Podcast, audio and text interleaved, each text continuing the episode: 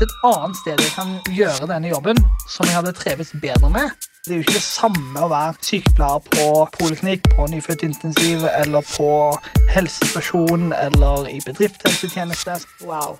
Sykepleierutdanningen. Den åpner helt sinnssykt mange dører. Nå kommer det et lite stikk.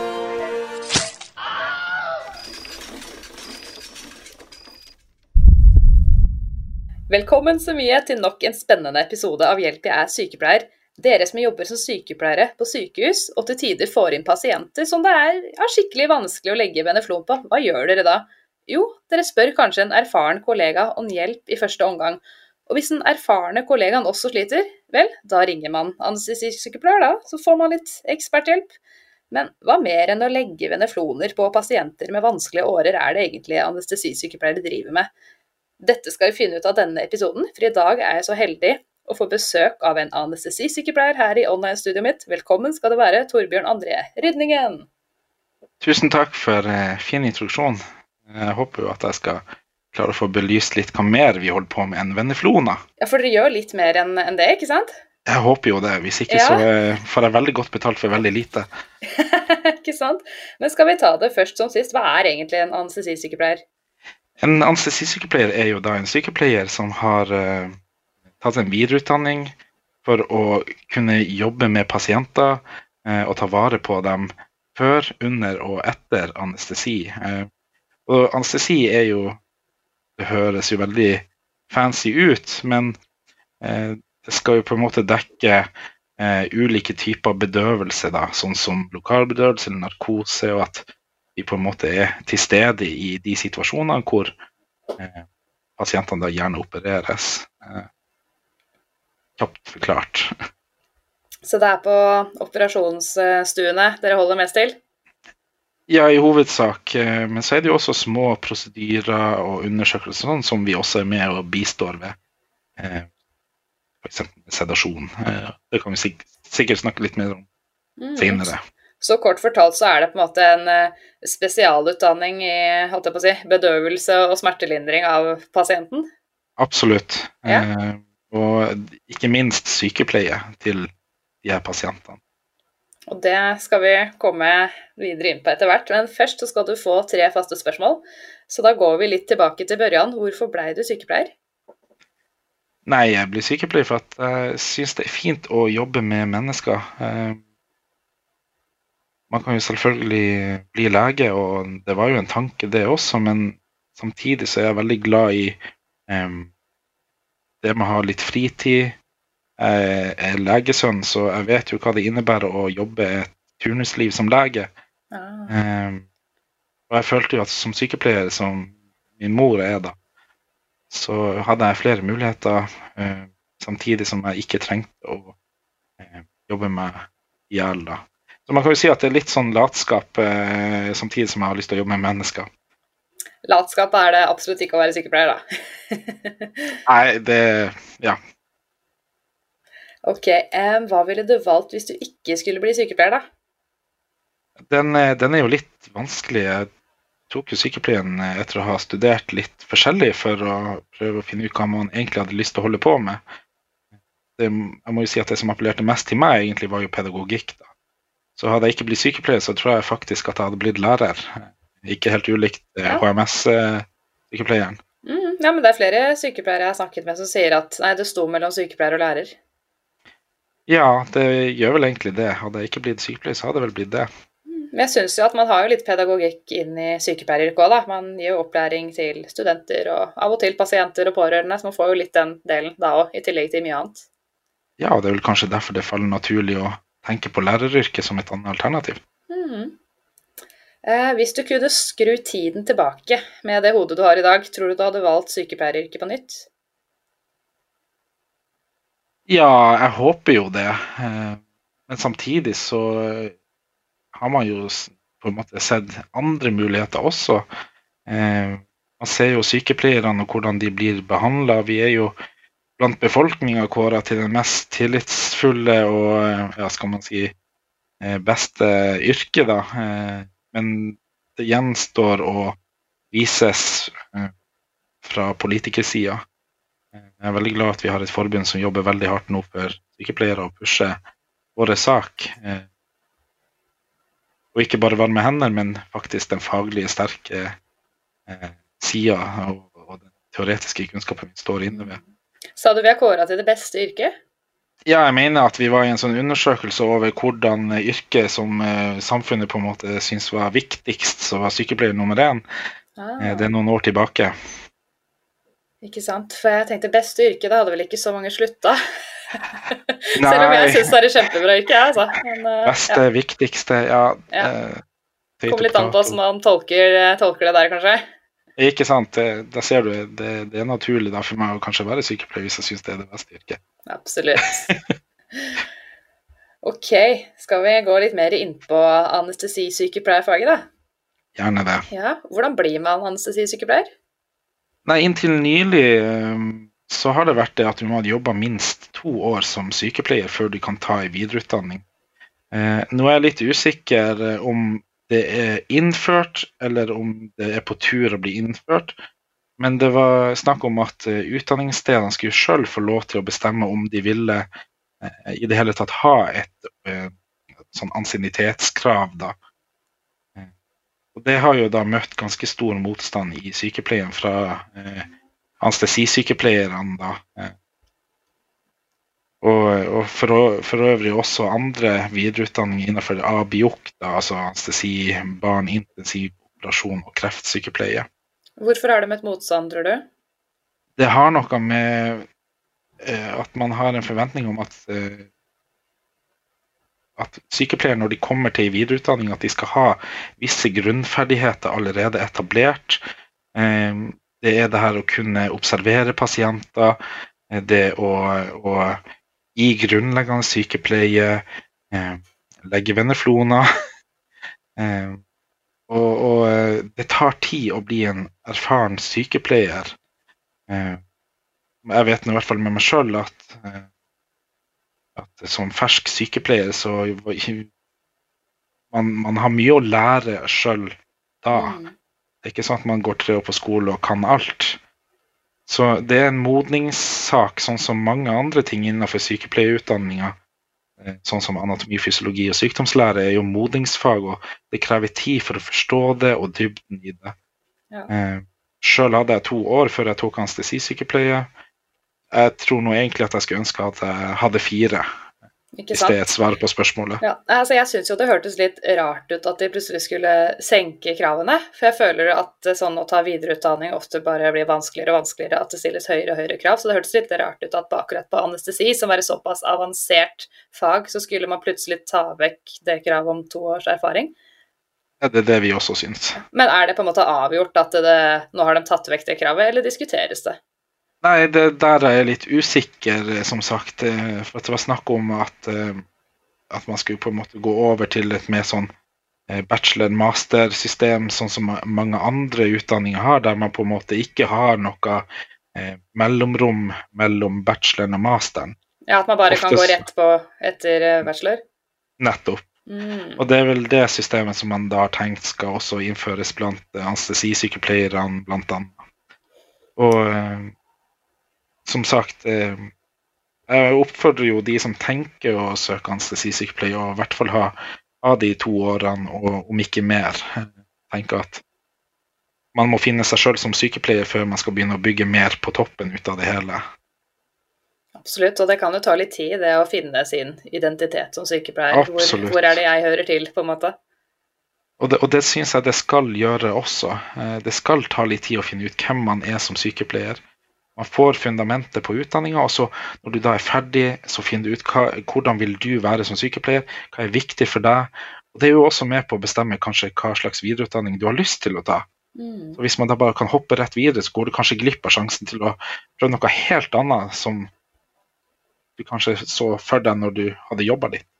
Ja, men jeg skjønner jo at det kan virke fristende da, å bare hoppe rett på master, og så bare få jobbe med det man har sett for seg med en gang. Men så kan det jo hende man etter å ha prøvd på en kirurgisk avdeling eller barneavdeling, eller plutselig finner ut at eh, nei, det er, eh, det er barnesykepleier jeg vil bli, eller nei, kreftsykepleier, det appellerte veldig til meg. Ikke sant? Og det spørs jo hvordan pasienter man møter. Og det er jo pasientmøtene jeg syns er veldig spennende.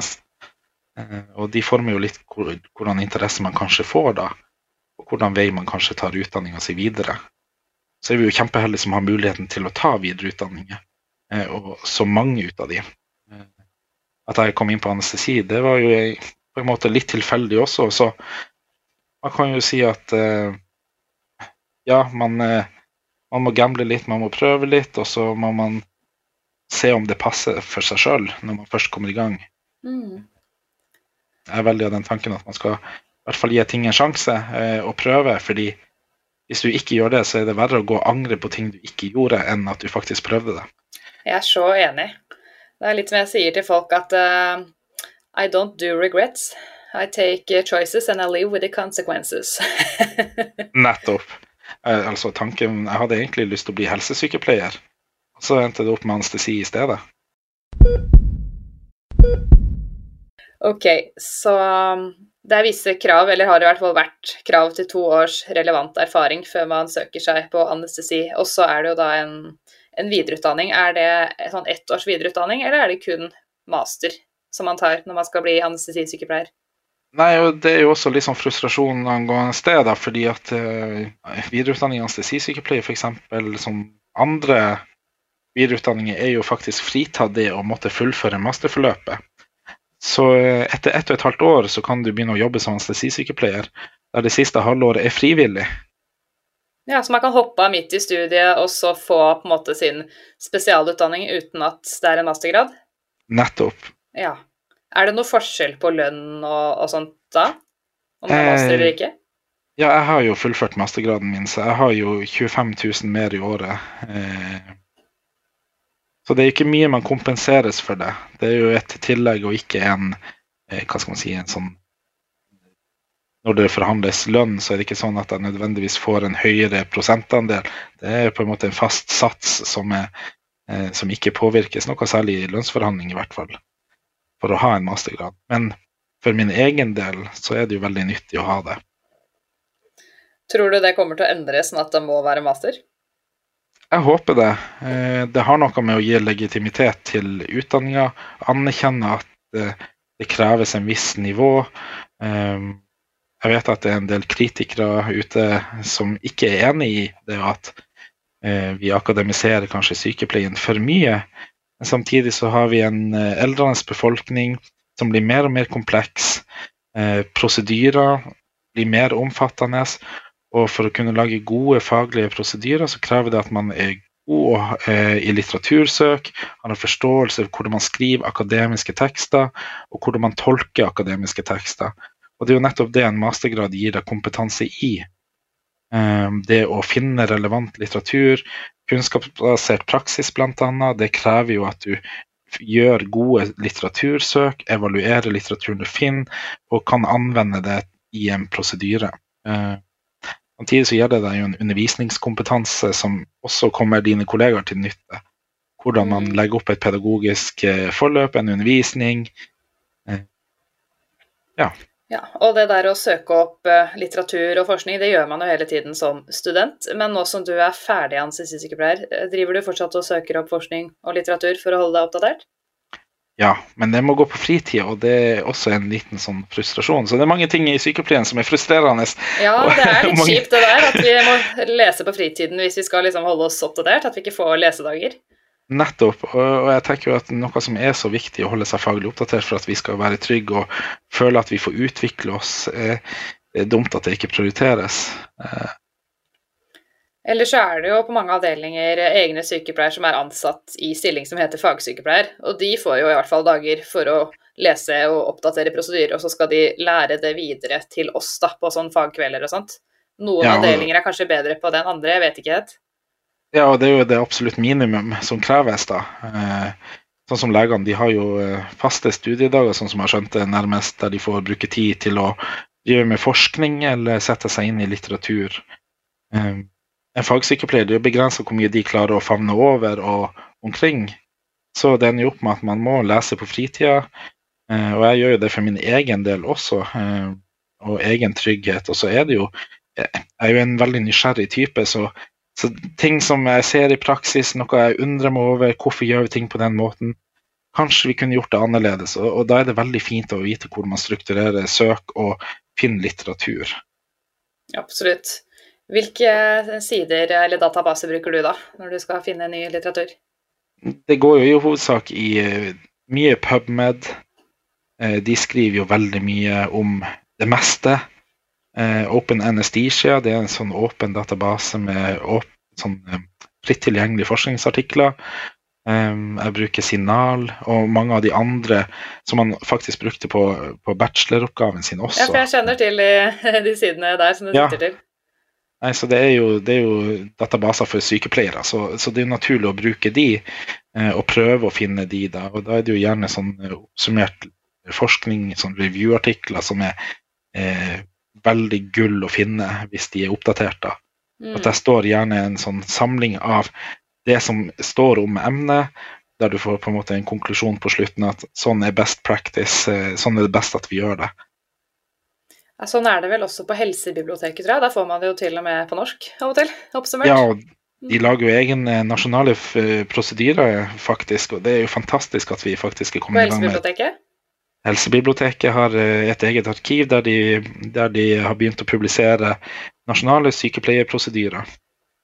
Så bra. Og det kan alle gå inn på, ikke sant? Eller må man være på sånn intranett uh, da? Helsebiblioteket har jeg skjønt er gratis for absolutt alle. Enkelte ting krever bare at du har registrert en bruker.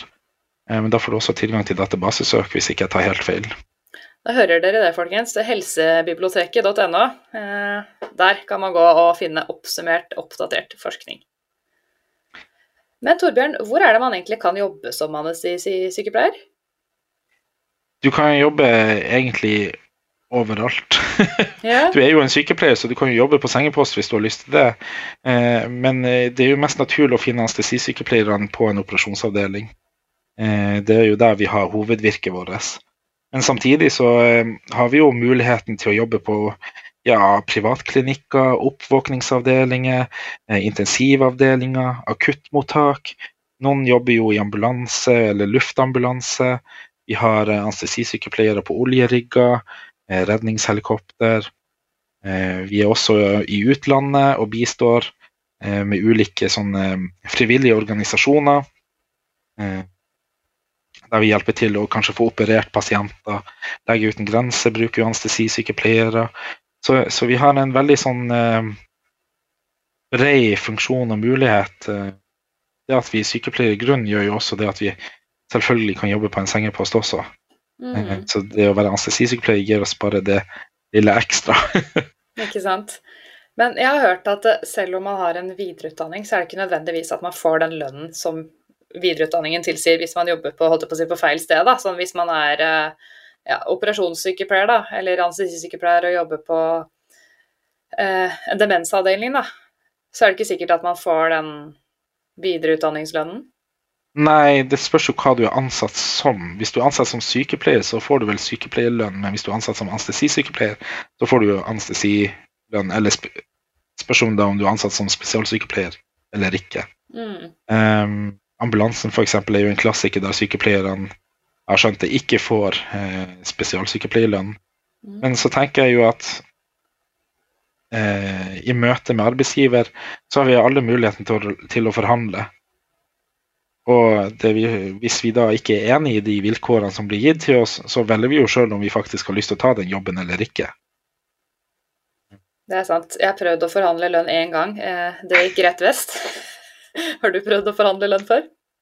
Ja, men eh, det handler vel om eh, prøve å øke lønna generelt for, en, for fagsykepleiere. Men der jeg jobber, så er det en funksjon og ikke en stilling. Så dermed så er det ikke et grunnlag for å forhandle lønn. Men eh, jeg tenker jo uansett, i møte med arbeidsgiver, så er det jo verdt å prøve.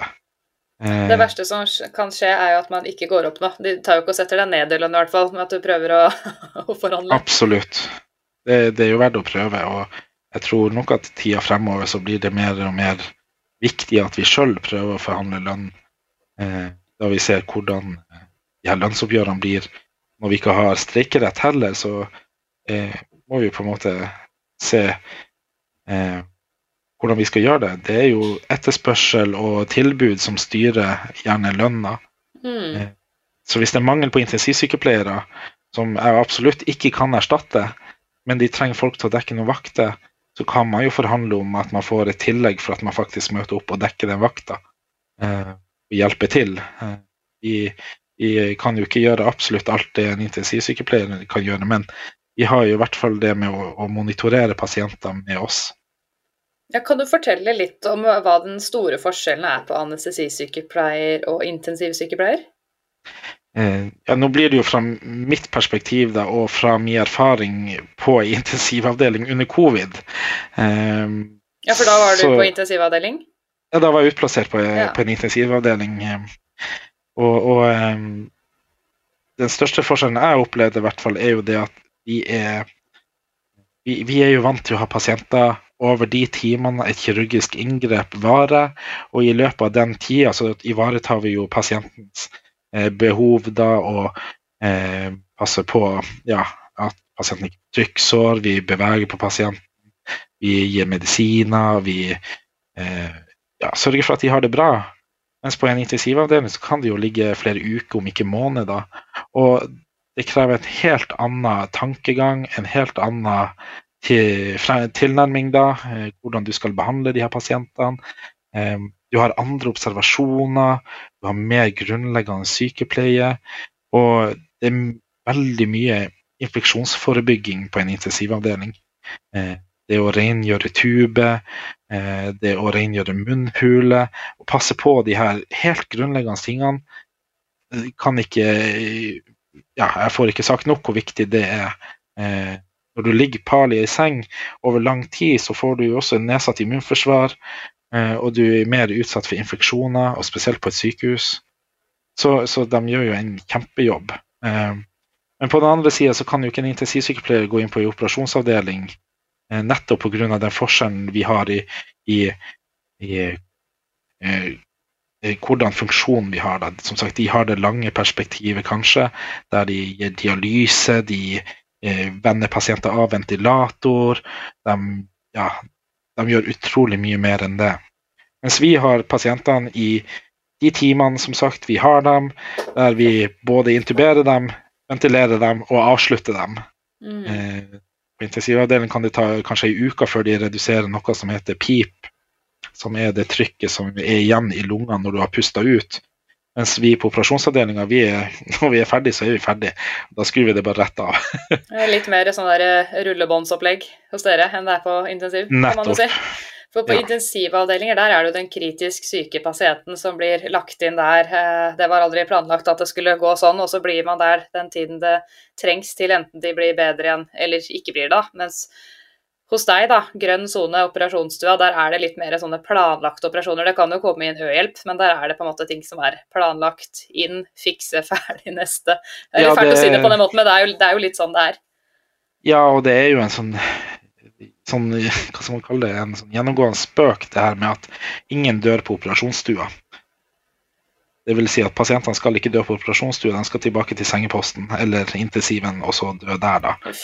Eh, det høres veldig dramatisk ut, men det, det, har noe med verdighet også. Man, eh, man, skal la pasienter som er døende, få lov til å ha den roa rundt seg. Og, ja, og pårørende, og, kanskje, ikke minst. Og ikke minst pårørende. Eh, da, da, skal vi ikke drive og, og, plage dem med unødvendig kirurgi, f.eks. Eh, men så har vi jo situasjoner der vi gjør en iherdig innsats på som du sier, ø-hjelp, eh, eller øyeblikkelig hjelp, pasienter som er, kommer inn hardt skadd i akuttmottaket eh, som trenger hjelp og nødkirurgi eh, for å overleve. Så eh, vi, vi, eh, vi, har, som du sier, en sånn rullebåndsfremgang, men samtidig så eh, ja, prøver vi jo ikke å ha det. ikke sant. Vi skal jo se pasienten. Det er jo det som er viktig her. Men når dere er inne da på operasjonsstua, eh, hva er det som er på en måte deres ekspertise og deres ansvar. Jeg vet jo sånn operasjonssykepleiere de legger klart utstyr og sånn og sånn og sånn. Eh, mens hva gjør dere? Blander medisiner? Vi blander medisiner, vi sjekker luftveisutstyr. Vi eh, ser over at vi har alle akuttmedikamentene klar for at på hver operasjonshus så har vi medikamenter i tilfelle noe skulle skje. Det er bl.a. noradrenalin, diverse muskelblokkere. At man f.eks. har det utstyret man trenger klart og tilgjengelig både for å innlede pasienten, håndtere luftvei, eh, og hvis det da skulle oppstå uforutsette hendelser, at man også er forberedt på det. da. Mm. Så veldig mye ut av jobben min på operasjonsstua det går i å planlegge for det som eventuelt kan skje, i tillegg til det som skal skje. Eh, så det er ikke bare medisiner, men vi har en tankegang om hvordan medisiner kan det hende at vi kommer til å trenge. Eh, I tillegg til at eh, vi jobber jo som et team inne på operasjonsstua. Man kan jo si at pasienten er et felles ansvar, men i det felles ansvaret så har vi ulike oppgaver da, og funksjonsområder. Anestesisykepleieren vi står jo gjerne med pasienten sine luftveier. Underveis så sørger vi for at de får de medisinene de trenger eh, for å sove og for smertelindring etterpå. Og vi sørger for at de får eh, luft, bl.a. Og vi sørger for at de får i seg væske. Eh, I tillegg så passer vi på temperatur, at de har urinproduksjon hvis de har kateter. Så det er veldig mye overvåking og, og overvåking og passe på at pasienten rett og slett har det bra. Men det er et samarbeid. Eh, operasjonssykepleierne passer også på det med kateter, de passer på med temperatur, de passer på å røre på pasienten. Og sammen så, så kommer vi i mål.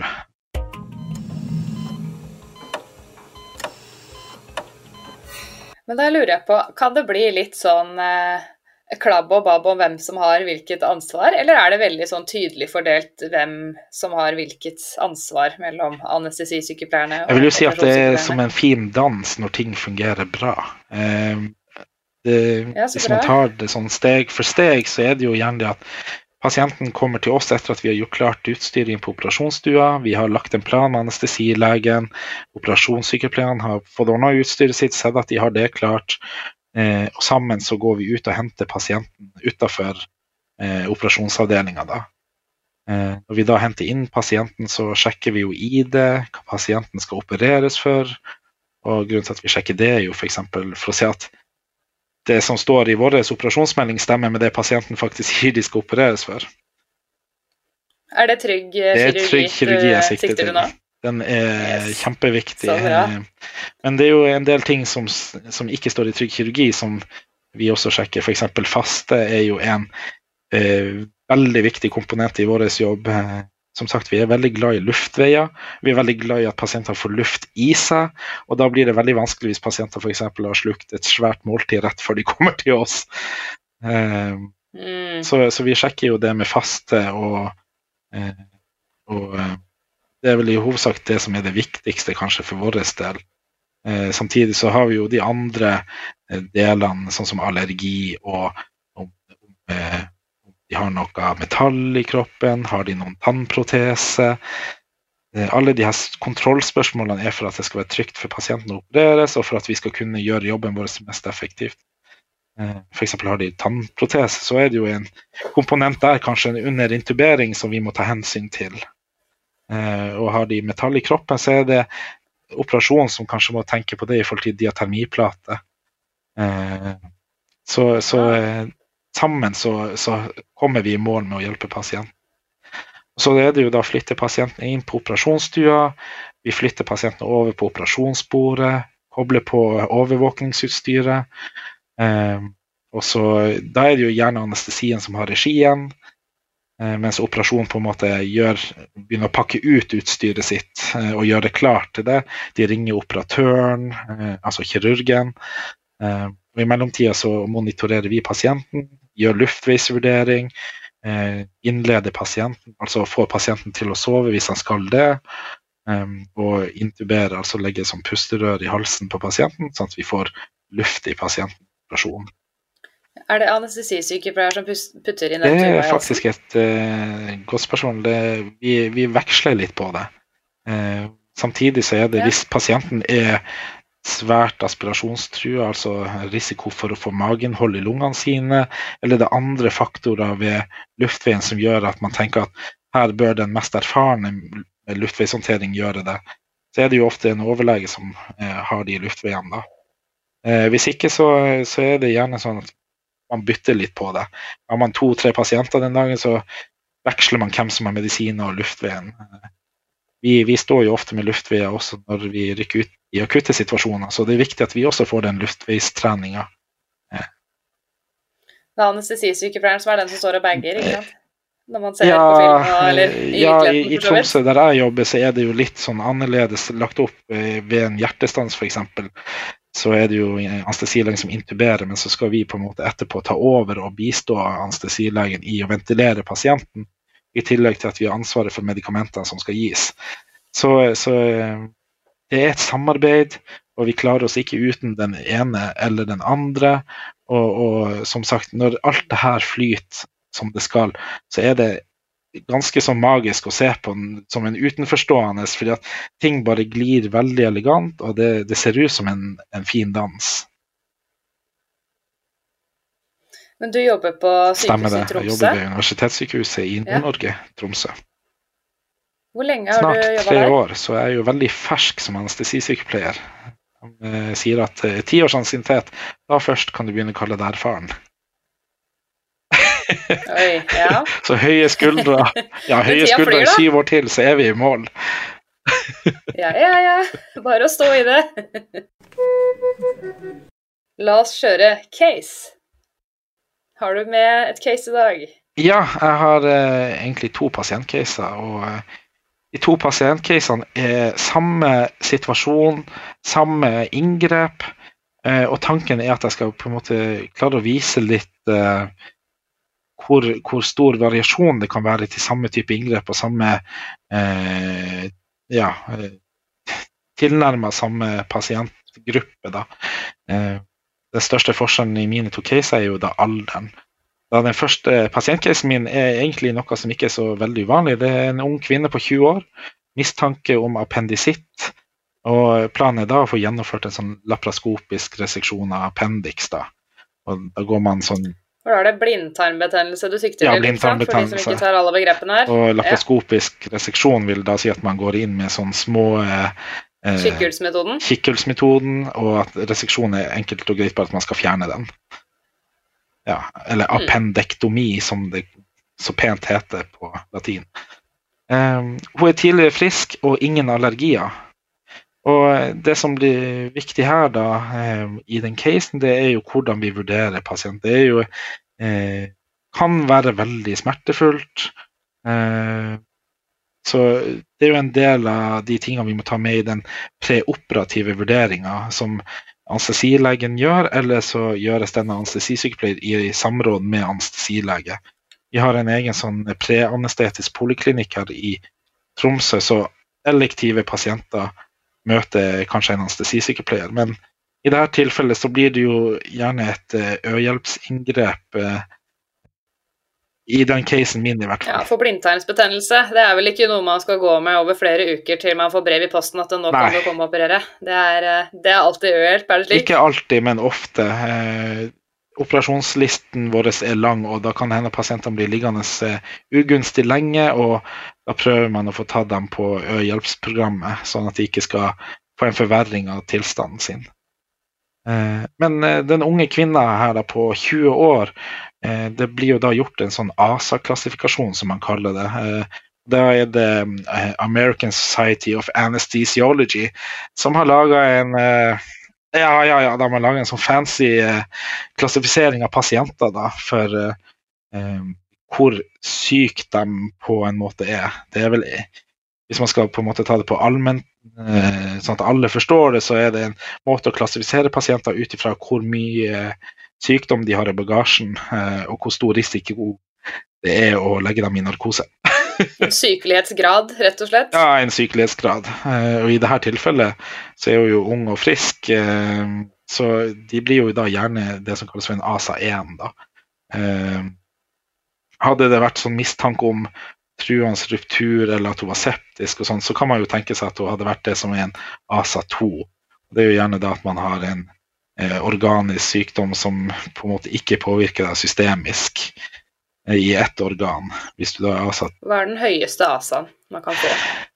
det ASA, Den høyeste ASA man kan få, det er jo ASA 5. Den, da er du donor, eh, så Ja. å si. Eh, Ikke sant. det, det, det Vi opererer gjerne mellom én til fire. Det er det jeg ser mest ut av. Ikke sant. Så ung kvinne, 20 år, Ja. appendisitt, Ja. ASA 1. ASA 1. Hva gjør en anestesisykepleier her? Nei, og da er det jo igjen den her med trygg kirurgi-sjekkliste. Vi sjekker de samme tingene. Identitet, operasjonsfelt, eh, metall i kroppen, allergi. Eh, vi sjekker bl.a. om pasienten røyker eller snuser, for at det har en sammenheng med faste. Samtidig som det har noe å si i forhold til blodtrykk. Eh, vi sjekker jo om de har spist eller drukket. Men når det er det her det kommer inn det med smerte, for hvis pasientene har veldig mye smerte, så regner vi dem som ikke fastende. Og det er kanskje litt rart, tenker veldig mange, for hvorfor skal man ta eh, smerte som kanskje ikke fastende? Og det, det har med at når du har veldig vondt, så eh, får du en sånn aktivering av nervesystemet som gjør at peristaltikken i tarmen hemmes. Og man tenker da at man har en slags retensjon av, eh, av mageinnhold. Så derfor er man i en økt risiko for å aspirere. Så de her pasientene de blir da hurtiginnleda med en teknikk som kalles rapid sequence induction. Eh, og her pasientene de sovner veldig fort. Det er det jeg kan si om rapid sequence induction. Det skal gå fort, du skal eh, s- sove fort, og eh, vi skal få ned den tuben fort for å beskytte luftveien. Eh, og I dette tilfellet så er jo pasienten tidlig frisk, så vi forventer jo at hun skal tåle medikamentene vi gir, veldig godt. Eh, og vi forventer at, eh, at eh, hun ikke kommer til å ha noe problem med blodtrykk. for at Ifølge casen min, da, som jeg har så fint laga, så er hun ikke septisk. Det er jo en drømmesituasjon. Så hun blir på en måte en øyehjelpspasient som vi skal hurtiginnlede. Men vi behandler henne på mange måter som en, en elektiv pasient. Og eh, Hun er heldig, da. Hun får hjelp før, før blindtarmen sprekker og hun får sepsis. ikke sant? For jeg, jeg har hørt om folk det har skjedd med, dessverre. Ja, og, og da er man jo litt sånn eh, eh, Da er man jo litt ute å kjøre, så det er jo fint å slippe å komme dit, da. Ja. Så, så eh, det neste som vi gjør da, etter at vi har gått gjennom blodprøver, sjekke at vi har forlik, sånn som, altså at vi vet hva slags blodtype pasienten har, og eh, det er ikke ofte det blør, men det kan skje. Eh, det kan skje ved all kirurgi at det blør, at uhell skjer. Så vi får sjekke det. Eh, vi sjekker at vi har nok medikamenter på stua, at, eh, at vi på en måte har planlagt for hva hvis det her drøyer ut. Eh, så vi ikke står der plutselig, og så er det på ettermiddagen der vi kanskje ikke er så mange på, og så er alle opptatt, og så er det ingen som kan gå og hente medisiner til deg. Så det, det er mye planlegging. Eh, og så er det jo å koble på monitorering av pasienten. Hva er viktig å tenke på her? Eh, Det vi følger med på som standard, det er jo gjerne blodtrykk, puls og eh, saturasjon og EKG. Det er på en måte de som er standard.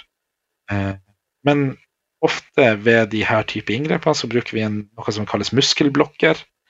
Eh, det er veldig ukjent for kanskje mange. Det er det, Er det det som får pasienten til å være helt slapp? ja, det er den, Ja. det er den ekle sida ved narkose som kanskje mange gruer seg veldig mye til. Eh, fordi at man er redd for at man kanskje ikke skal kunne si fra. Så eh, nå håper jeg ikke mange av lytterne får litt sånn nightmare fuel her. Eh, over at de, hvis de noen gang blir operert, blir liggende helt i ro og ikke kan si fra. Eh, fordi at vi har eh, monitoreringa nettopp for å passe på at det ikke skjer. I tillegg så passer vi jo på å sjekke øynene. Vi ser at pupillene er små og kontraherte. Vi sjekker om pupillene er midtstilt. Eh, midtstilte pupiller vil si at pasienten sover. Hvis de da er på tur å våkne, så er de i noe som kalles en eksitasjonsfase. Så jeg vet ikke om noen har sett folk som sover og sånt, men øynene kan gå alle mulige veier, sånn uavhengig av hverandre. Ja, ikke det i rem-fasen? Rapid eye moment, så går øya veldig sånn hit og dit. Ja, det, det er litt sånn mellom lett og dyp søvn, eh, så Ja. ser man det. Og, og, så vi passer jo på at pasientene har det. da. Så sjekker vi også hud, at den er tørr og varm, ikke kald og klam. Og vi sjekker også etter tåreflod og sånn. Så vi har veldig mange parametere å, å overvåke pasienten ut ifra. Uh, I tillegg så har vi jo sånne fine hjelpemidler som BIS, som noen sikkert har hørt om. Mest sannsynligvis ikke alle. Det står for som bispectral index. Så vi, vi, følger med på hjerneaktiviteten din eh, med en sånn sensor i panna. Eh, samtidig som den også måler sånn muskeltonus og sånn. Det er et hjelpemiddel. Det var det jeg skulle spørre om. Har ikke dere noe sånn greie med å ta på hodet? Ja. For da får dere sett at pasienten faktisk eh, sover og har det bra, og ikke bare er lamma av medisinene, på en måte? På en måte. Vi, vi sier at det er et hjelpemiddel, det er ikke fasiten. Eh, det vi lærer på eh, altså videreutdanning av anestesisykepleier, er at pasienten er alltid fasiten. Det er at På monitoren så kan ting se helt vilt ut, men hvis du ser på pasienten, ser på det kliniske, så stemmer det kanskje ikke alltid med sannheten. Og det kan være viktig også i forhold til feilsøking når ting f.eks. ikke stemmer helt på monitoren. Du lurer på hvordan i all verden kan pasienten ha det trykket, f.eks. Og så oppdager du at ja, ok, blodtrykksmansjetten ligger i klem eller et eller annet. Så, så det er det her å hele tida observere på pasienten. Eh, f.eks. med f.eks. blodtrykk, da, så har vi mulighet til å kjenne pulser på radialis. ikke sant? Og hvis den er veldig svak, så vet vi ja, ok, kanskje pasienten har litt lavt blodtrykk. Eh, så vi har mange parametere å følge. Det er det som er poenget. Og så eh, har vi jo det her fancy rapid sequence induction, da, og da, da gir vi gjerne medisiner for hånd. Det vil si at vi står med sprøyte, og så gir vi medisinene etter hverandre. Da. da starter vi gjerne med å gi et opiat. I mange tilfeller så gir vi fentanyl. Eh, I andre tilfeller så gir vi noe som heter alfentanil. Og Det er jo da to ulike opiater som er kortvirkende. Fentanyl har kanskje mange hørt om. Det er gjerne det mye rus blir spedd ut med i gaten, og fører dessverre til en del dødsfall. Men eh, i vår praksis så er det helt nødvendig for å eh, kunne gjøre det vi gjør. Eh, og det vi gjør, er jo egentlig å gi pasientene en lovlig dos, overdose, der vi passer på. Ja. Det er jo litt mer eh, kontrollerte former inne hos dere på operasjonsstua da, enn det er Absolutt. ute på gata eller eh, hjemme på soverommet. For jeg hører jo om ungdommer som kjøper ting de tror kanskje er eh, Sobril og sånt, og så er det pensla med fentanyl, og så skjer det overdose. Åh, det er helt forferdelig å tenke på. Ja, dessverre så, så skjer det. Men eh, det viser jo også litt den tilliten vi har fra befolkningen når vi får lov til å gi de her medisinene til mennesker, og, og, at de stoler på at vi vet hva vi gjør. Og etter at vi har gitt opiater, så gir vi vanligvis en sovemedisin. Eh, det mest vanlige vi bruker i dag, det er noe som heter propofol. Eh, det er en sånn melkehvit eh, blanding. Så, og den sørger for at du sovner ganske så kjapt i de dosene vi gir deg. Og deretter så gir vi deg en muskelblokker. Og det er den delen som eh, høres veldig skummel ut, men er helt nødvendig for at vi skal kunne gjøre det vi gjør. Eh, den sørger for at, eh, eh at stemmebåndspalten din åpner seg opp, og at du blir slapp i, i kjeven, du blir slapp i, eh, i eh, muskulaturen rundt, rundt halsen din, og det gjør det mulig for oss å intubere deg. Eh, for Hvis ikke så blir man ofte veldig veldig stram i alt av eh, muskler og sånt eh, før man sovner skikkelig. Og på den tida så har du allerede mista kontroll over luftveien din. Så når vi da ikke ønsker at du skal aspirere, så er det viktig at vi får rask tilgang. Og vi overvåker jo det her med, med muskelblokkering med noe som heter TOF. Det er jo da Train of Four, heter det. Det er rett og slett utslett eh, Ikke utslett, utslag på tommelen din. Eh, der vi sender strøm i håndleddet ditt og får tommelen til å røre på seg. Og den sender da fire signaler. Eh, som da på en måte skal representere hvor muskelrelaksert du er. Og sånn vet vi at du ikke blir å våkne og være muskelrelaksert, f.eks. Eh, det skal man slippe. Vi har mulighet til å gi medisiner som reverserer den muskelblokkeringa. Eh, så, så eh, man skal vite at det er trygt å komme til oss på operasjonsstua. Og vi, vi, vet hva vi holder på med, og vi har mye monitorering for å passe på at ting skal gå sånn som det skal. Så da intuberer vi. Ja da. Så, så intuberer vi, og så eh, passer vi på at ting ikke ligger på huden, lager trykk, unngår trykksår. Og så er det jo da kirurgien. Og da passer vi på at vi får nok medisiner, nok smertestillende. Vi passer på eh, f.eks. i dette tilfellet så er det laparoskopisk eh, kirurgi. Da fyller de jo gjerne magen full med CO2, fordi at man skal på en måte få plass til å se med kameraet. Og da passer vi på at du ikke får emfysem, f.eks., sånn subkutan emfysem, eller kramsny under, under huden, som de kaller det. Eh, At det knatrer når du tar på det. Det kan gjerne vandre fra bukhulen og opp eh, til hals og thorax. Eh, så vi passer på det i forhold til luftveien etterpå. Eh, vi ventilerer pasientene, sørger for at de får nok luft. En operasjon. Vi passer også på at de får lufta ut CO2-en. Så vi har en veldig sånn omfattende jobb i det eh, operasjonen skal sette i gang. Og hele veien så tenker vi hva hvis, hva hvis det skjer, hva hvis det skjer, hva gjør vi da? Og alt har jo et hav av bivirkninger og et hav av risiko. Men vi forbereder oss på det som er mest sannsynlig kan skje. Og vi prøver å Dere er alltid litt i beredskap. Altså sier 99 sånn, eh, sånn rolig, og så er det den ene prosenten som vi øver på. da. Eh, Det ene prosenten med stress når ting går ad undas, og, og eh, vi på en måte prøver å, å samle de ressursene vi har, og de forberedelsene vi har.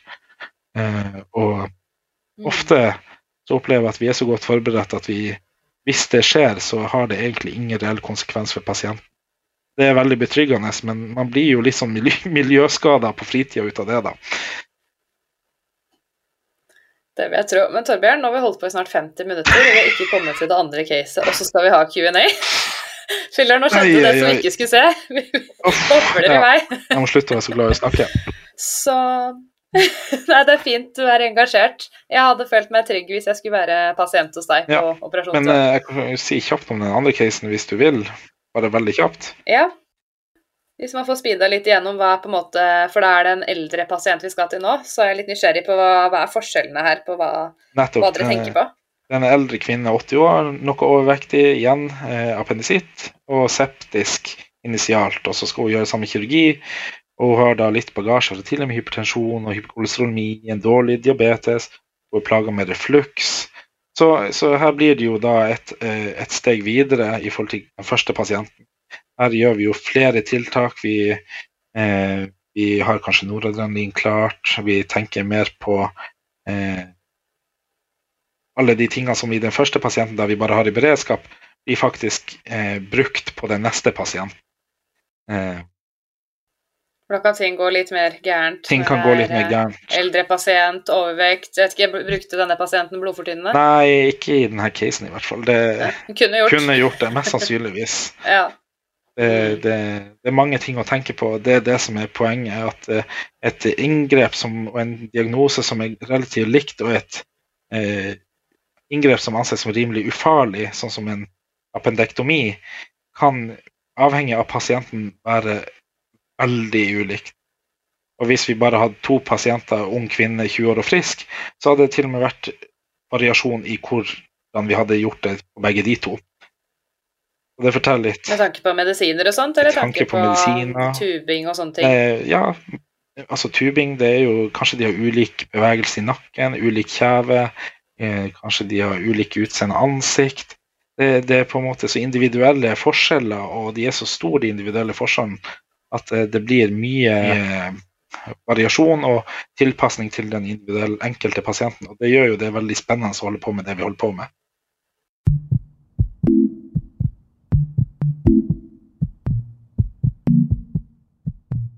Ok, nå må vi begynne med Q&A.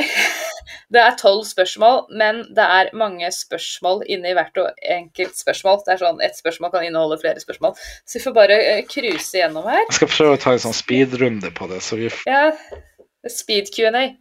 Hva liker du best med jobben som anestesisykepleier, og hva liker du minst? Jeg liker best det variasjon og den faglige biten. Jeg får utfordre meg daglig, eh, og jeg får fordype meg i veldig mange ting som går på anatomi og fysiologi, som jeg syns er veldig spennende. Jeg liker minst eh, eh, Det er jo når ting blir rutine. Men du har mange, mange forskjellige operasjoner du er med på der du jobber, har du ikke det? Jo da, men så kan det være at du er på den samme seksjonen eller samme operasjonsstua flere dager på rad, og da kan det bli litt eh, repetativt. Ja, ser den. Eh, nå kommer det spørsmålet her, ja. Hvordan er turnusen som anestesisykepleier? Er den bedre eller verre enn sengepostturnus? Jeg vil jo da si at den er utrolig mye bedre. Eh, Så bra. det, det har Bra for dere. Ja, og det, det handler litt om at vi er litt i den særstillinga at vi har muligheten til å hvile på vakt, nattevakt f.eks., når vi ikke holder på med noe. Det er jo en luksus som, eh, som jeg hadde, skulle ønske jeg kunne unne sengepostsykepleierne. For det er ikke like mye nattevakter i, i din turnus, kanskje? Nei, og vi har muligheten til å eh, slappe av og altså sove litt og hvile litt når vi ikke holder på med operasjoner, for da tar vi bare øyehjelpsprogrammet, eller ting som må opereres der og da. Eh, så, så det er jo en luksus. Og så har vi én pasient, og så har vi ingen sengevask. Og, og, og, så, så turnusen vår blir jo lettere ved at vi slipper mange av de ekstraoppgavene som man har i en sengepost eh. Så, Mm. så ikke nok med at vi jobber, eh, jobber en fin turnus, vi har jo på en måte eh, litt mindre av det som gjør at en sengepostturnus kan være tung, hvis du skjønner. Ja ja, dere slipper eh, tunge stell og løft. Ja, Eller dere har vel kanskje løft, men da har dere egne teknikker på rull rundt hånd og hodet 1, 2, 3. ja vi har, vi har, vi har eh, noen tunge løft, det har vi. Men vi er jo mange, og vi har én pasient, og vi har ingen klokke som driver og ringer og, og maser på oss. Sant. Eh, ikke noe Eller er dere nå borti pårørende? Eh, jeg prøver å være det. Eh, Ja. Vi har jo en del barneanestesi, og, og da er det jo viktig å ta med pårørende, én ut av de i hvert fall, inn på operasjonsstua til barnet sovner. Det er jo tryggheten for foreldrene og også barnet. Eh, og så prøver jeg jo i, eh, i akuttmottaket, hvis jeg har muligheten til det, å i hvert fall anerkjenne pårørende. Eh, Mm. de er jo ofte litt sånn sjokka og fra seg og vet ikke helt hva de skal gjøre med seg. Og, og det er jo egentlig en sykepleier fra akuttmottaket som skal ta vare på dem, men det er ikke alltid at eh, alt går som man ønsker. Så, så det å ta vare på Så det er kanskje det hvis, hvis noe alvorlig skjer, da, så må dere eh, deale med pårørende, selvfølgelig. Men hvis alt går sin gang, så kan det vente til sengepost, det. Og så må vi videre til neste spørsmål, for klokka tikker. Ja, det er greit. ja. eh, vil du anbefale videreutdanningen din til andre sykepleiere? Absolutt. Og eh, hvis du har lyst til å prøve det, så er det bare å hospitere. Er du usikker, spør, spør en anestesisykepleier, spør operasjonsavdelinga. Hei, kan jeg få komme og være med? For all del. Det er bedre å prøve som sagt enn å ikke ha gjort det. Jeg kan Mhm. absolutt anbefale videreutdanning. Så sykepleiere i nord, ta kontakt med Torbjørn og bli med og hospitere. Gjerne det. Jeg kan ikke garantere at alle får være med, men eh, det er bare å ta kontakt. Så bra. Hvilke faglige og personlige egenskaper vil du trekke fram som spesielt gunstig som anestesisykepleier? Jeg tenker at du må være en person som liker system, eh, hater rot. Eh, du må være glad i å holde deg faglig oppdatert. Og det hjelper veldig at du er en, både en praktisk og en teoretisk person. Det er gode tips om egenskaper. Skal vi se. Er det stort behov for anestesisykepleiere, og er det stadig utdanningsstillinger å få innen anestesisykepleie? I sør i landet så er det behov for anestesisykepleiere. skjønt. Her i Nord-Norge så er vi ganske godt dekket. Eh, Jeg sjøl har jobba nå snart tre år og fikk akkurat fast stilling, så, så det sier jo litt om behovet her. Eh, Men det utlyses, eh, sånn som jeg vet, i hvert fall her i Nord-Norge, eh, for hvert kull med anestesisykepleiere så utlyses det utdanningsstillinger. Om det varierer hvor mange som lyses ut, det, det kan jeg ikke svare på, men det finnes i hvert fall, og jeg anbefaler jo absolutt de som har muligheten til å gå i sånn stilling å gjøre det. Eh, Jeg hadde ikke det. Men du mener det. er større behov i sør? For det er litt morsomt, fordi lenger ned der så kommer det et spørsmål om det som sier noe annet. Å ja. ja. Vi kommer dit etter hvert. Ja. Skal vi se. Hei, Torbjørn. Jeg har falt pladask for anestesi og har bestemt meg for å sikte inn mot videreutdanningen. Jeg er sykepleierstudent på andre året og vet jeg må ha to år relevant klinisk praksis før jeg kan søke. Eller må man det? Det vet vi ikke helt, det diskuterte vi litt i starten. Ja. Hvilke avdelinger vil du anbefale meg å hente erfaring fra? Hilsen Kristina. Det er hyggelig at Eh, noen skriver navnet sitt. Ofte så er folk anonyme, men hun her trengte ikke å være anonym. Ja, og det var veldig hyggelig at hun skrev 'Hei, Torbjørn' først. Eh, Ja, var det ikke det? men, eh, men i forhold til avdeling så vil jeg jo anbefale kirurgisk avdeling er fint. Eh, kanskje litt fra akuttmedisin hvis man har mulighet. Sjøl så hadde jeg ingen sånn erfaring før jeg ble anestesisykepleier. Eh, og man kan jo si at eh, jeg merka jo litt det at eh, jeg mangla litt den praktiske biten med akutt eh, sykepleie. Så mottak da kan være fint å jobbe på. Mottak kan være veldig fint, men selvfølgelig jobber du på sengepost på en medisinsk avdeling, så må ikke det være et hinder for deg, for deg å søke. Jeg tenker at eh, alle kan bli en god anestesisykepleier hvis de gir innsatsen. Hmm. Hvilke situasjoner er tøffest å håndtere i jobbhverdagen din, og hvordan tar arbeidsgiver vare på deg slash dere? Jeg må jo si at eh, som, som eh, far til to små jenter, så er det jo barneanestesi og, og syke barn som treffer meg hardest. Eh, eller keisersnitt som ikke går bra. Eh, men jeg syns også det kan være tøft å stå i enkelte traumemottak, spesielt når det er unge mennesker, gjerne jevnaldrende eh, med meg sjøl. Vi har jo veldig mye kollegastøtte på min arbeidsplass. Vi har eh, at vi bruker hverandre til å debrife og snakke om ting.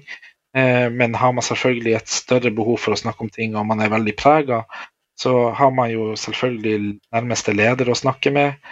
Um, og ved store ulykker så bruker det å være en debrief der politi og de andre instansene blir involvert. Eh, sånn som Fagereng-ulykka, der var det en stor debrifing etterpå. Ja. Syns du at eh, dere er flinke til å støtte hverandre på din arbeidsplass? Jeg håper det. Eh, det er derfor jeg tenker at man må være litt ydmyk og åpen om ting. For at skal man stå alene med alle de tankene man har og det ubehag man har, så blir man veldig alene. Man trenger ikke å være alene. Eh, og man har mest sannsynligvis kollegaer som har stått i samme situasjonene og opplevd veldig mye likt. Og man kan finne trøst i, i å høre deres erfaring. Mm. Har dere noe sånn eh, regelmessig debrief, eller er det noe dere gjør hvis det har skjedd noe ekstraordinært? Det er gjerne hvis det skjer noe ekstraordinært. Eh, og det kan jo føre til at man kanskje blir litt sånn kald også i, emosjonelt, fordi at man skjermer seg sjøl og, og beskytter seg sjøl litt. Man kan jo tenke at det kanskje ikke er det mest ideelle. Eh, men, eh, men jeg er jo i hvert fall ute av den typen som prøver å endre litt på det, da. Og, og at vi skal få frem ting i lyset og snakke om ting som har vært vanskelig. Så bra at du har fokus på det. Skal vi se, neste spørsmål. Jeg hadde en dårlig opplevelse med operasjonsstua som student, men ønsker så gjerne å bli anestesisykepleier. Blir man vant til alle luktene og lydene etter hvert? Jeg vet ikke hva som var den dårlige opplevelsen, om det var lukten og lydene eller om det var noe annet, men eh, spørsmålet er jo om man blir vant til lukter og lyder etter hvert. Eh, absolutt, det, det blir man. eh. Men jeg tenker at én dårlig opplevelse trenger ikke å ødelegge for å prøve noe. En dårlig opplevelse er jo ikke nødvendigvis representativt for alle de andre opplevelsene du kanskje kan få på ei operasjonsstue. Så, så jeg tenker at kjør på, prøv. Syns du fortsatt at det er ubehagelig, da har du i hvert fall prøvd det. Ikke sant. Men eh, er det mye eh, fæle lukter og, og lyder på operasjonsstua? Det skal jo ikke være det, men eh, diatermilukt, altså lukten Er det sånn brent kjøtt? Ja, den, den er jo litt spesiell, kan man jo si. Ja. Eh, så man blir jo litt vant til det. Eh, og lyder jeg, jeg vet ikke hvordan lyder det måtte Jeg bare ser for meg sånn sirkelsag, ortooperasjon, bare sånn knekkbein. Ja, men det, det, det er kanskje jeg som er litt spesiell, da. Men det, det, det er ikke så dramatisk sånn som man tenker at det er. Jeg tror man er veldig god på å, å tenke at ting er verre enn det i virkeligheten er. Så, så hvis du har opplevd noe negativt, prøv på nytt igjen. Eh, mest sannsynlig så går det bedre neste gang.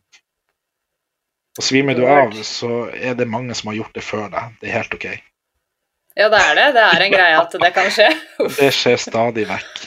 Hva gjør man da hvis anestesisykepleieren besvimer? Kommer det noen andre og overtar, eller er man flere enn én anestesisykepleier eh, på stua?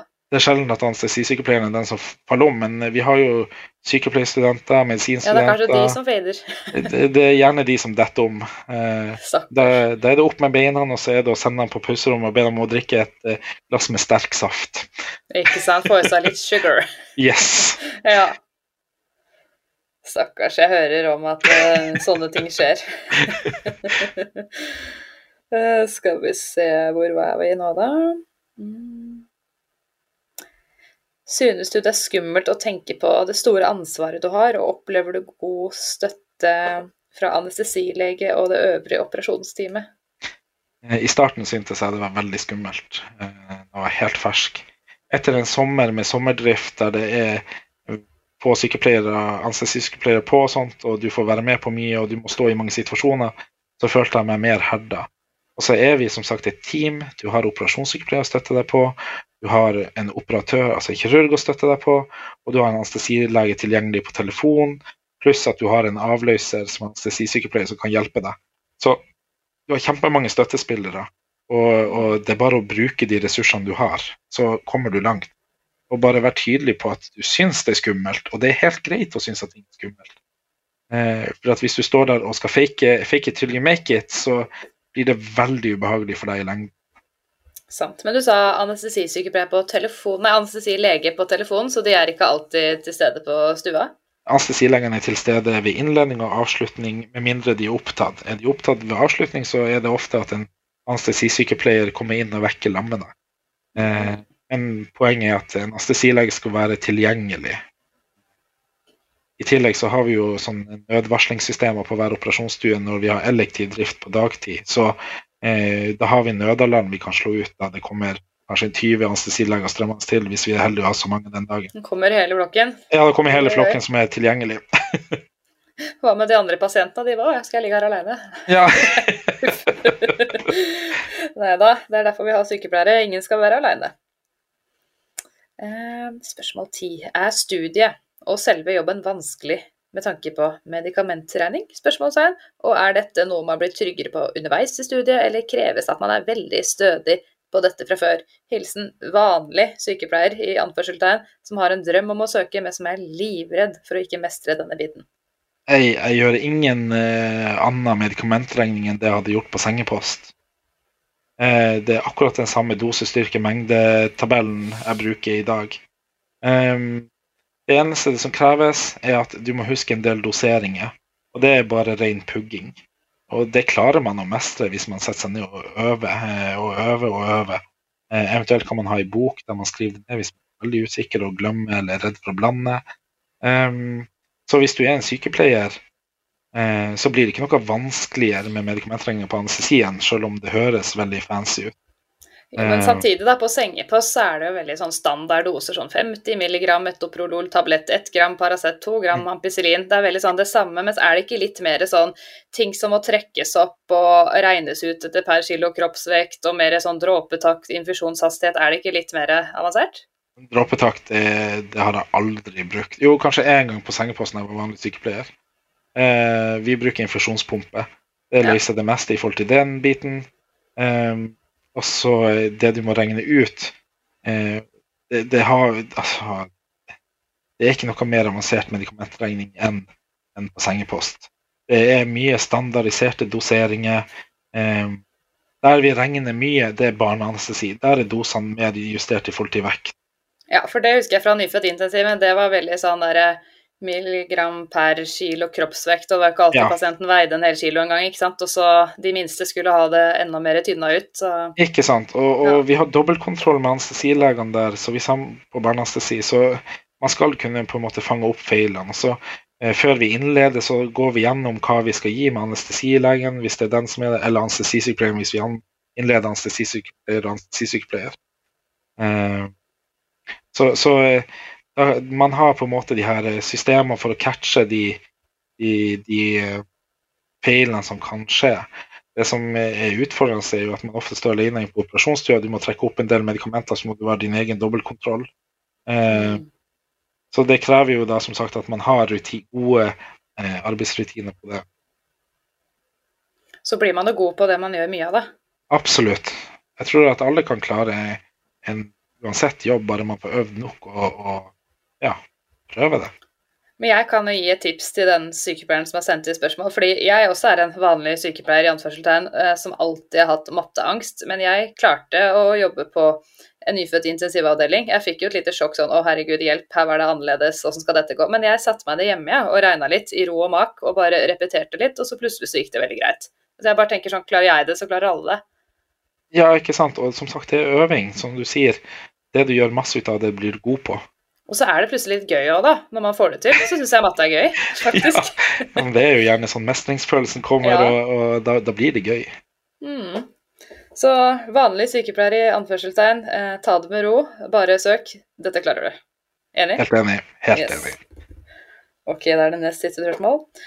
Hva tror du årsaken er til at det finnes så lite utdanningsstillinger i anestesi kontra intensiv og operasjon? I hvert fall i Oslo og omegn? Spørsmålstegn. Er det fordi det er få stillinger ute, eller er det fordi studien er så populær at arbeidsgiver ikke trenger å lokke folk inn fordi det er mange som tar anestesi i videreutdanningen uansett om de tar utdanningsstillingen eller ikke? Ja, hvorfor det finnes lite utdanningsstillinger sør? I Oslo omegn vet jeg ikke, men, men hvis man ser på finn.no, sånn, så er det alltid en eller annen privatklinikk eller litt mindre sykehus som trenger anestesisykepleiere. Så selv om det kanskje ikke er utlyst ei utdanningsstilling, og man har en plass man kunne tenke seg å jobbe, så er det jo ikke noe i veien for at man tar kontakt med dem og spør hei, kunne dere tenkt dere å ha ei utdanningsstilling?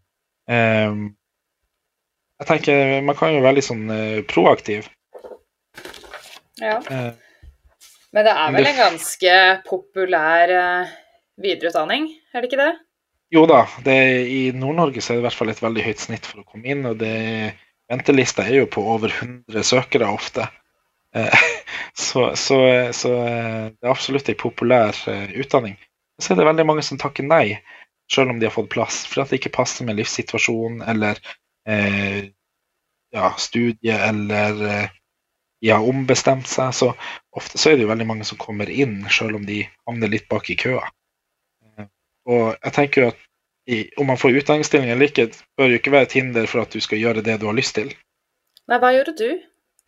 Nei, jeg tok avdragsfrihet på boliglånet. eh, Jeg reduserte utgiftene mine. Jeg jobba høytid igjen. Jeg brukte oppsparte midler. eh, Ja, for du, hadde du tok ikke med utdanningsstilling, du finansierte det selv? Jeg finansierte det sjøl. Mm. I Nord-Norge i hvert fall så har det vært en sånn greie at du må ha fire års ansiennitet for å få utdanningsstilling. Eh, Det hadde jo ikke jeg da. Så eh, da gjorde jeg det sjøl, for at jeg visste at det var det jeg hadde lyst til å bli. Og jeg hadde litt lyst til å komme bort fra det sengepostarbeidet. Ja, for det skulle egentlig være det siste spørsmålet. Hvorfor valgte du å bli anestesisykepleier? Ja, og det er jo for å komme bort fra sengeposten. Eh, All ære til de som eh, klarer å holde på med det, men jeg kjente at eh, jeg hadde vaska det ene smitterommet etter det andre. og Her hadde dere Eh. ikke vaskepersonell som tok smittevask for dere?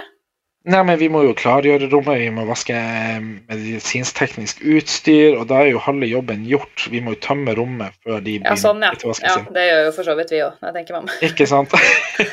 og Jeg prøver er ikke å ha så mye ting inne på smitterommet, for jeg vet at den jobben kommer etter hvert.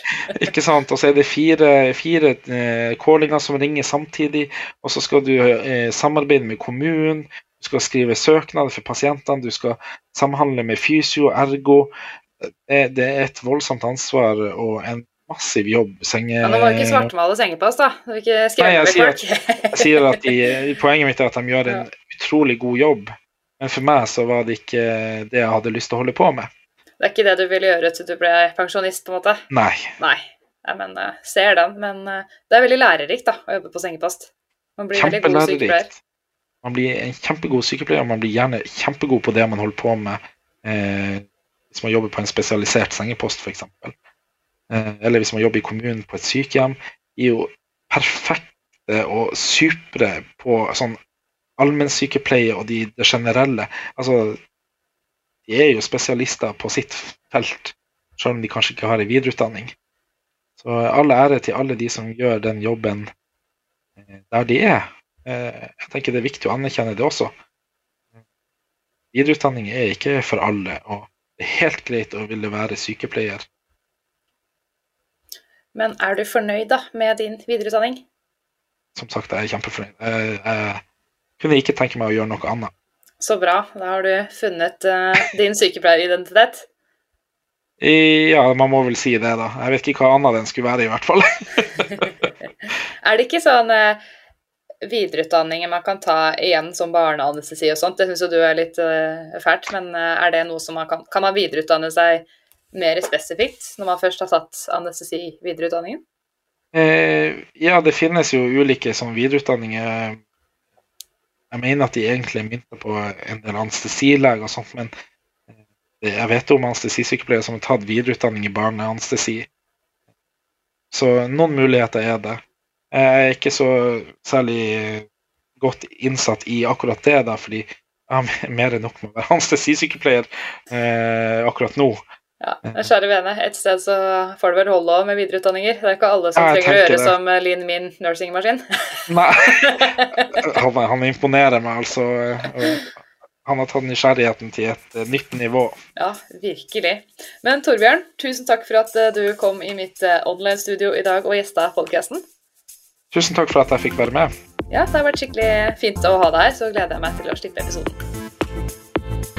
Ok, ha det bra. Ha det bra. Takk for at du hørte på Hjelp, jeg er sykepleier. Hvis du likte episoden, blir jeg veldig glad hvis du vil anbefale den videre til en venn, kollega eller andre du tror kan få glede av podkasten. Hvis du vil gi meg tips, tilbakemeldinger eller komme med ønsker for podkasten, så kan du enkelt sende meg en DM på Instagram. Der heter jeg Hjelp, jeg er sykepleier, med understrek mellom hvert ord.